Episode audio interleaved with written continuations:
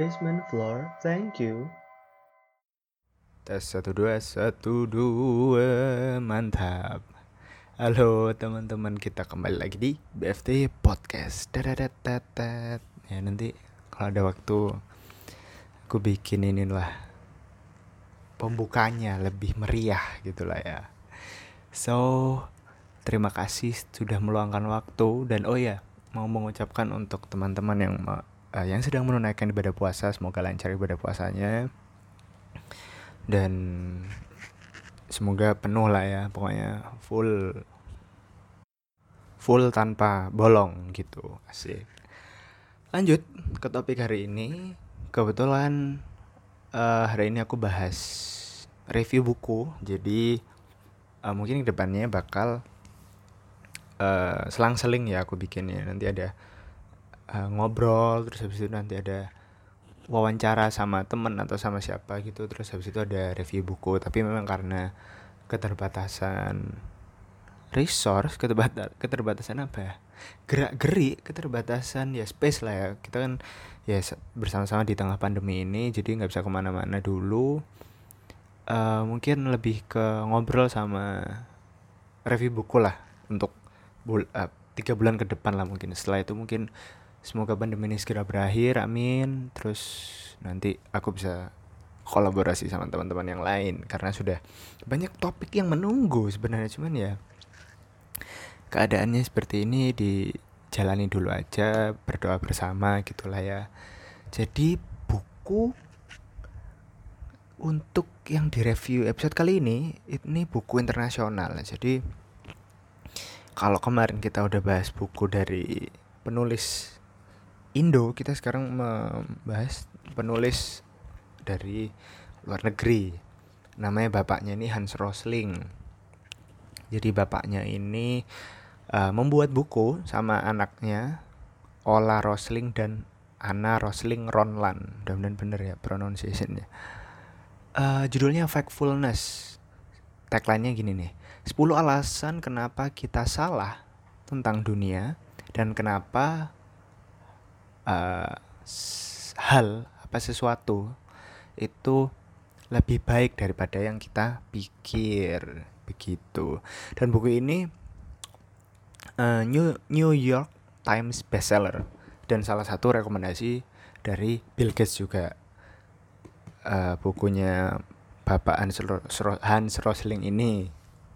Dan uh, buku ini bisa teman-teman dapatkan kalau nggak salah di Peri Plus ini bisa sih. Di Peri Plus ada di e-commerce di Indo juga ada di Tokopedia ada Shopee Blibli terus di mm, di book repository ya kalau nggak salah teman-teman. Apa sih? Book depository book depository sorry sorry teman-teman bisa beli di situ. Karena aku dipinjamin sama orang spesial nih. Jadi nggak ikutan beli. Makanya teman-teman kalau pengen baca ya pinjem lah ya. Pinjem sama siapa yang punya. Atau mungkin bisa beli di Tokopedia kalau nggak salah cukup terjangkau sih. Di bawah seratus ribu ada. Tapi aku nggak tahu itu ebook atau hardcover gitu. Gitu. Dan buku ini kenapa aku bawa angkat di episode kali ini karena buku ini benar-benar apa ya sebenarnya seperti jurnal yang dikumpulkan jadi satu. Jadi kayak jurnal menurut aku ini jurnal psikologi ya. Jadi jurnal hal-hal positif yang ada di dunia terus dijadikan satu buku ya ini factfulness ini. Tapi pembawaannya cukup santai dan cukup ini cukup apa ya istilahnya cukup menyenangkan lah dengan bu dengan uh, apa dengan buku yang serius seperti ini buku luar negeri kan biasanya serius-serius gitu kan.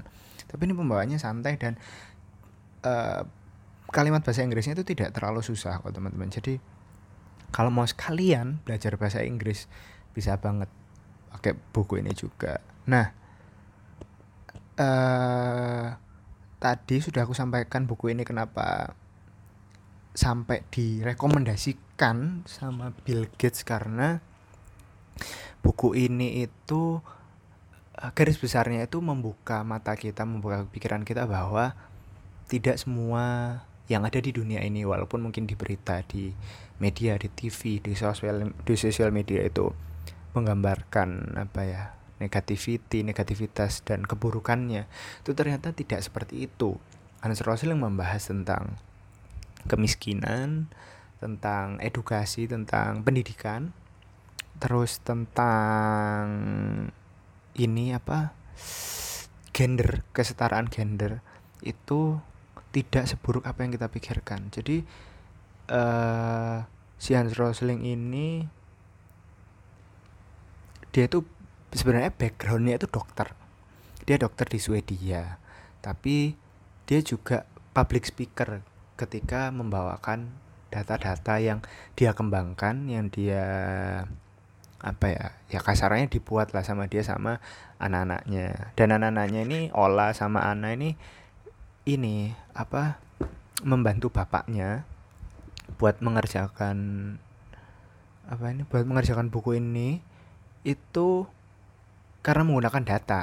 Itu sampai bisa apa ya bikin chart gitu lah. Pokoknya bikin chart di mana kemiskinan terus habis itu pendidikan terus kesetaraan gender di seluruh dunia tentang kaya atau miskin. Itu dia bikin chartnya gitu bubble chart gitu. Terus habis itu ketika Hans Rosling itu kalau nggak salah dia ngomong di TED kalau nggak salah. Terus habis itu si ini Larry Page itu datang ke dia uh, nanya siapa nih yang bikin chartnya gitu. Terus habis itu langsung ini langsung sama Larry Page itu gimana nggak tahu gimana apanya ini uh, jalan ceritanya. Akhirnya Ana sama Ola ini kerja di Google Public Data Team. Dan ananya sendiri oh kalau olanya itu sih olanya itu jadi kepala dari Google Public Data Team. Tapi kalau ananya itu jadi senior user experience designer gitu dan mereka berdua ini sebelum bekerja di Google itu co-founder dari Gapminder Foundation. Begitu teman-teman. Dan kalau misalnya dari lihat dari fisikalnya dulu ya dari fisik bukunya ini sebenarnya hmm, aku nggak terlalu tertarik pertama. Nggak terlalu tertarik tapi uh, dari tagline-nya itu sudah cukup ini sih cukup menarik mata dan pikiranku yang tadi 10 reasons why we're wrong about the world. 10 alasan kenapa kita salah tentang dunia dan and why things are better than you think. Dan kenapa sesuatu ini ternyata lebih baik dari apa yang kita pikirkan. Kayak gitu. Dan covernya biasa banget tulisan terus habis itu nama autor terus habis itu ada apa testimoni ya entah ya apa testimoni apa rekomendasi lah ya pokoknya dari Bill Gates kayak gitu. Dan anu nggak ada ilustrasi khusus cuman tulisan terus habis itu belakangnya sinopsis tentang bukunya tentang apa gitu. Terus uh, halamannya sih nggak terlalu anu sih 342 halaman. Nggak terlalu nggak terlalu apa ini sih? Nggak terlalu tebel pokoknya kayak gitu. Cuman harganya memang mungkin harga buku impor ya agak mahal kayak gitu dan buku ini kenapa aku rekomendasikan pertama itu tadi karena tagline-nya bagus dan memang benar apa yang di apa yang ada di dalam buku ini isinya. Jadi singkat cerita kenapa uh, buku ini sampai bestseller ya? Kenapa buku ini sampai direkomendasikan Bill Gates?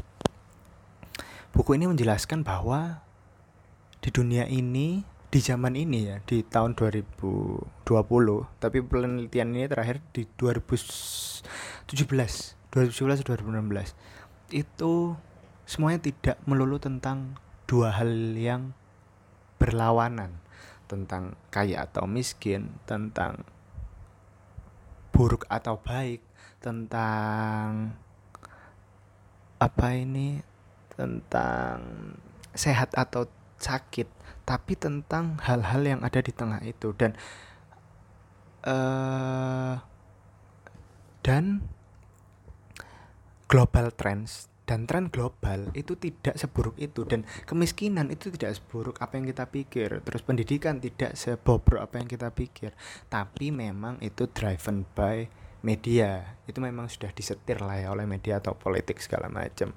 Dan di buku ini juga disebutkan bahwa Hans Rosling itu sampai pernah bikin tes itu ke universitas terus habis itu ke orang-orang korporat di conference gitulah segala macam membawa hal ini ke conference.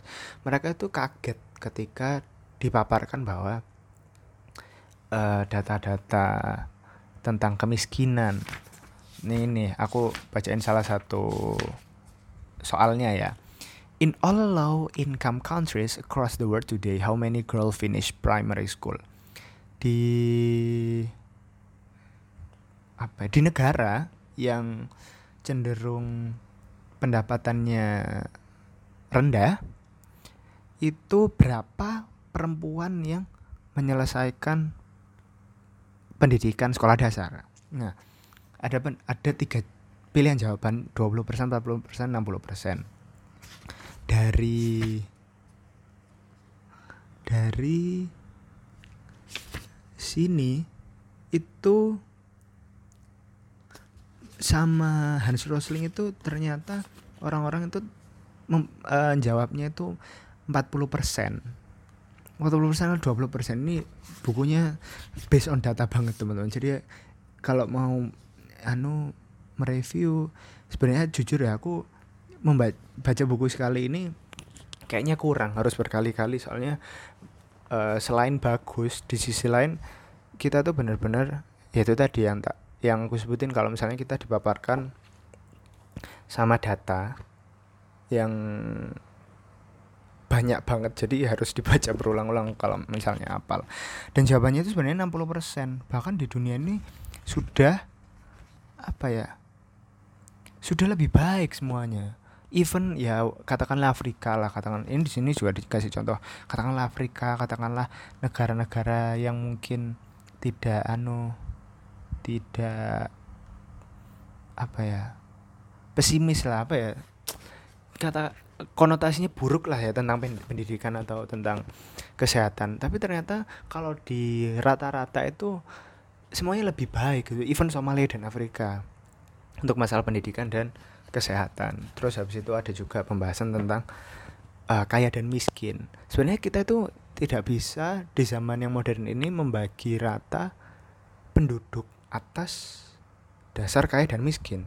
Ternyata kalau misalnya Hans Bapak Hans ini me, menyarankan itu kalau bisa dibagi jadi empat for income level. Jadi dari pendapatan 4 level. Level 1 itu kalau misalnya dirupiahkan kira-kira 40 ribu lah ya 40 ribu per hari. Terus habis itu kalau level 2 itu 100 ribu per hari. Sama level 3 itu 400 sampai 500 ribu sehari sama uh, level 4 ini di atas 500 di, di atas 400 ribu sama 500 ribu sehari. Dan ternyata kalau misalnya di rata-rata itu penduduk dunia itu berada di level 2 dan 3 gitu loh. Jadi nggak ada apa ya nggak ada predikat untuk kamu kaya kamu miskin tapi predikatnya itu dipukul rata dan Hans Rosling menggarisbawahi aku akan lebih banyak menggunakan kata-kata apa ini kata-kata di kata-kata rata-rata begitu. Jadi gak ada yang kaya atau miskin tapi orang-orang yang di tengah-tengah. Nah itu sih. Jadi uh, apa yang membuka pikiranku itu itu pertama. Dari kuliah kuliah. Pendidikan. Dari pendidikan kemiskinan itu sebenarnya dari data UNICEF dari datanya UN itu sudah ini sudah ada. Tapi memang apa yang kita pikirkan itu memang cenderung negatif. Karena menurut Hans Rosling uh, pemikiran manusia itu memang cenderung seperti itu. Cenderung dramatis lah. Kayak gitu. Apa cenderung drama pokoknya. Lebih suka hal-hal yang seperti itu. Dan pikiran manusia itu lebih uh, cenderung berpikir yang sederhana. Jadi ya kayak itu tadi yang kayak miskin apa terus sakit sehat terus bersih kotor kayak gitu gitulah dan bahkan eh, pemikiran ini itu sebenarnya sudah tidak relevan menurut Hans Rosling kalau misalnya dibawa ke tahun 2016 ke atas lah. Soalnya ini penelitian terakhir kan kalau aku lihat itu 2016 2017 nah pemikiran-pemikiran seperti yang tadi tentang poverty, kemiskinan, terus tentang pendidikan, tentang kesetaraan gender yang menurut kita itu buruk, itu ternyata sudah sesuatu hal yang jauh banget, 50 tahun bahkan ketika zaman masih World War II. Kalau misalnya ada di buku ini kayak gitu ceritanya. Jadi buku ini tentang apa ya? Secara nggak langsung itu encourage uh, secara nggak langsung membantu kita uh, berpikir berpikir lebih dinamis berpikir berdasarkan worldview berdasarkan gambaran tentang dunia bukan gambaran tentang apa yang kita rasakan tapi tentang logical thinking. Nah itu sih. Yang keren dari mana? Yang keren dari si Hans Rosling dan anak-anaknya ini. Kita tuh cenderung memikirkan sesuatu hal itu uh, negatif pertama terus habis itu dramatis terus ketiga itu lewat ini hati lewat feeling. Bukan hati sorry. Lebih ke feeling. Padahal uh, apalagi kalau misalnya kasus apa ya kasus-kasus uh, yang ada di dunia ini nggak bisa dipukul rata seperti itu tapi kita harus juga based on facts based on data berdasarkan fakta itu. Jadi dari anu dari buku ini apa yang aku suka? Itu. Dia bagaimana cara menyampaikan bahwa tidak seburuk itu kok dunia itu tidak seburuk itu kok apa yang kamu pikirkan tentang dunia. Kita semua masih bisa berusaha kita tuh masih bisa membuat dunia ini menjadi lebih baik lagi daripada yang sudah ada dan kondisinya sekarang juga cukup baik gitu loh. Dan yang aku juga suka itu cara penyampaiannya yang ngasih data dan me bandingkannya sama ini sama simpanse itu. Bahkan simpanse itu udah jawab random dan jawabannya itu lebih bener daripada kita kita yang apa ya istilahnya ya kita kan belajar men gitu loh. Itu masih kalah gitu sama simpanse. Itu sih. Dan tapi kebetulan bapak ini sudah meninggal uh, eh, 2017 lalu karena pankreas kalau nggak salah. Kanker pankreas atau pokoknya di pankreasnya ada. Anu lah ada. Ya pokoknya beliau sakit. Intinya beliau sakit. Tahun 2017 terus habis ini habis ini eh habis ini. Dan ternyata buku ini juga kelarnya 2018 jadi mungkin technically diselesaikan sama anak-anaknya tapi berdasarkan draftnya dari Bapak Hans Rosling seperti itu dan per chapter uh, oh iya dan buku ini ada 342 halaman dan ada 11 chapter. Masing-masing chapter itu menjelaskan pola pikir manusia dan ini sih kayak eh, data-data uh, apa yang si Bapak Hans dan anak-anaknya ini paparkan tentang poverty mungkin bab satu terus bab dua apa gitu sih. Tapi bab satu ini memang tentang ini yang tadi aku sampaikan tentang kaya dan miskin gitu. Jadi kita bi tidak bisa mengeneralisasikan, kita tidak bisa apa ya, memukul rata bahwa uh, Anda kaya, Anda miskin enggak, tapi kita tuh di negara yang mungkin low income, mid middle income kalau salah. Low income, middle income sama high income dan uh, lebih dari 50% saya ingatku. Sorry kalau salah ya. Lebih dari 50% itu ternyata orang-orang orang-orang apa ya? Orang-orang itu orang-orang ya yang berkecupukan itu justru hidup di ini. Hidup di tidak di negara-negara ini justru tidak di negara-negara yang maju tapi ya rata. Di semua negara itu ada. Kayak gitu. Jadi kita tidak bisa memukul rata bahwa Amerika ini kaya sekali. Tidak bisa. Indonesia juga banyak-banyak konglomerat juga kan. Dan aku juga tidak bisa me, apa ini mengeneralisasikan mengeneralisasi mengeneralisasikan bahwa uh, Eropa itu semuanya kaya tapi juga rata itu loh ya ada yang kaya ada yang mungkin middle yang biasa-biasa saja dan ada juga yang mungkin kurang seperti itu. Habis itu bab 2 ada lagi tentang ini apa hal-hal yang uh, 16 hal yang semakin baik di dunia ini. Dan 8 8 itu pokoknya dibagi 8 uh, hal yang semakin buruk semakin menurun dan 8 lainnya itu 8 hal baik yang dulunya baik semakin baik kayak gitu. Jadi bener-beneran ya aku bocorin lah ya teman-teman yang oh bahkan 16 16 hal buruk yang menurun dan 16 hal baik yang makin naik aku kasih dua-dua contoh ya. Itu tentang uh, kematian anak-anak. Itu semakin menurun. Dari tahun ini datanya malah jual sekali. Dari 1800 sampai tahun 2000 itu dari 44% sampai 4% itu seluruh dunia ya tidak dipukul rata satu negara. Terus habis itu ada ini apa ke, ke, kelaparan. Dari tahun 1970 sampai 2015 itu dari 28% menurun jadi 11% di tahun 2010 terus hal baik yang makin naik itu literasi dari 15 tahun orang eh ya apa ya ngomong ya? Dari orang-orang yang berumur di atas 15 tahun yang mempunyai basic skills untuk membaca dan menulis. Itu dari 10% tahun 1800 sampai 86% di tahun 2016. Terus habis itu electricity coverage itu dari 72% ke 85% di tahun 2014 dari tahun 1991. Jadi bukunya ini memang apa ya banyak chart-chart banyak grafiknya untuk dibaca tapi uh, yang aku garis bawahi adalah grafik-grafik tentang uh, social improvement tentang kebaikan-kebaikan tentang peningkatan standar kehidupan yang ada di dunia kayak gitu.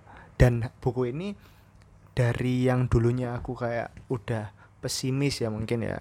Beberapa podcast aku juga udah aku uh, angkat masalah pendidikan masalah uh, lingkungan tentang Indonesia kok kayak gini ya segala macam. Tapi ternyata kalau dipukul rata di dunia ya walaupun mungkin belum di Indonesia doang.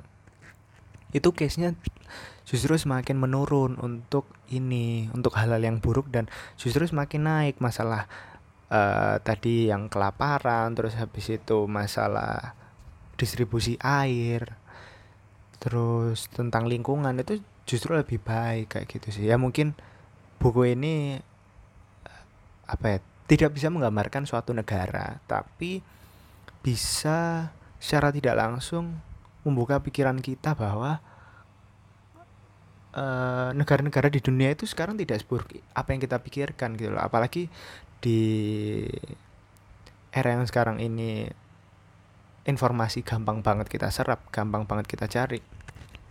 Kita bisa apa ya? Kita bisa bareng-bareng ini sih. Kita bisa bareng-bareng kolaborasi bukan hanya di satu negara tapi di semua negara untuk mengembangkan standar kehidupan masyarakat yang ada di dunia gitu. Dan ini menurut aku buku yang cocok banget buat teman-teman. Hmm, buat teman-teman berapa ya? Kalau di atas 20 tahun menurutku justru wajib sih baca buku ini. Jadi kita lebih tahu apa yang pengen kita kontribusikan, apa ya, pengen yang kita kerjakan buat kemaslahatan asik. Buat kebaikan dunia kayak gitu sih. Tapi tidak menutup batasan umur kalau misalnya teman-teman dari SMP SMA membaca sih justru lebih baik sih. Jadi kayak kalau misalnya teman-teman mau masuk SMA atau mau masuk kuliah jadi udah tahu gambaran nih aku nanti kalau misalnya lanjut pendidikan aku mau ngapain terus aku mau melakukan apa kayak gitu. Itu lebih bagus sih kalau menurutku. Dan dari dari aku highly recommended. Walaupun mungkin ya minus menurut aku pribadi sampulnya sih kurang menarik. Gitu sih soalnya terlalu polos menurutku. Bagus tone warnanya cuman terlalu polos aja. Tapi isinya wow mind blowing man. Gitu sih dan buku ini memang kategorinya non fiksi ya. Jadi ini semuanya fakta teman-teman. Ini semuanya data semuanya ya ada opininya ada apa ya ada pengalaman dari Hans Rosling sama anak-anaknya juga tapi semuanya based on data based on facts based on fakta lah yang mereka kumpulkan gitu. Dan uh, selain saya yang merekomendasikan tadi juga sudah aku omongin kalau yang merekomendasikan juga Bill Gates asik gitu. Terus apalagi ya pokoknya bu ini mind blowing lah teman-teman apalagi kalau misalnya masa masa pandemi gini ya semuanya terlihat buruk ya menurut aku sih. Aku yang merasakan juga kayak ini nggak bisa ke mana-mana terus habis itu uh, apa ya pikiran kacau karena semuanya makin buruk semakin makin jelek tapi ternyata enggak jadi setelah pandemi ini berakhir semoga kita juga bisa makin makin berbuat hal baik untuk negara dan dunia kayak gitu udah itu aja. Terima kasih reviewnya. Mohon maaf atas salah-salah kata. Semoga teman-teman bisa nemu ya bukunya ini buku yang insightful sekali buat semuanya. Dan semoga kita semua segera melewati hal ini eh, melewati pandemi ini bersama-sama. Oke terima kasih. Don't hate just spread the love. Bye. Testing, testing, one, two, three. Yo, hello everybody. Hi, welcome again to my podcast in this new episode. And first, I hope you guys doing well and I hope things will be better in the future. So, today in another episode for book review, I want to recommend you a very brilliant book by Hans Rosling with her son and daughter-in-law Ola and Anna. This book is called uh, Factfulness it tells about 10 reasons we're wrong about the world and why things are better that, than we think. Yeah, it is like the tagline like that. So for the background and uh, for the background, yes, Hans Rosling, the, the, the author, is medical doctor, professor of international health, one of the TED speakers. He was an advisor to the World Health Organization and UNICEF. He was listed as one of Time magazine's 100 most influential people in the world, but sadly, he passed away in 2017. So, this book, I think, uh, technically finished by Ola and Anna, but with his drafts. So, first, why I want to recommend this brilliant book because when uh, I knew this book and when I saw it, and borrow it actually from my special person, I look at the cover and think that the cover is so like flat, no special illustration, but what caught my eye is the tagline 10 reasons we're wrong about and why things better than we think. And when I start to read it, I'm so speechless, really speechless. Uh, how this how this professor telling us that things in the world got better in poverty, environment crisis, education around the world, about food.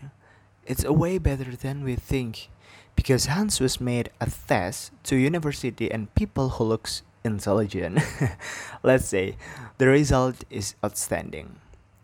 Many of them not pass the test because they actually had information 50 years ago, not in a current decade.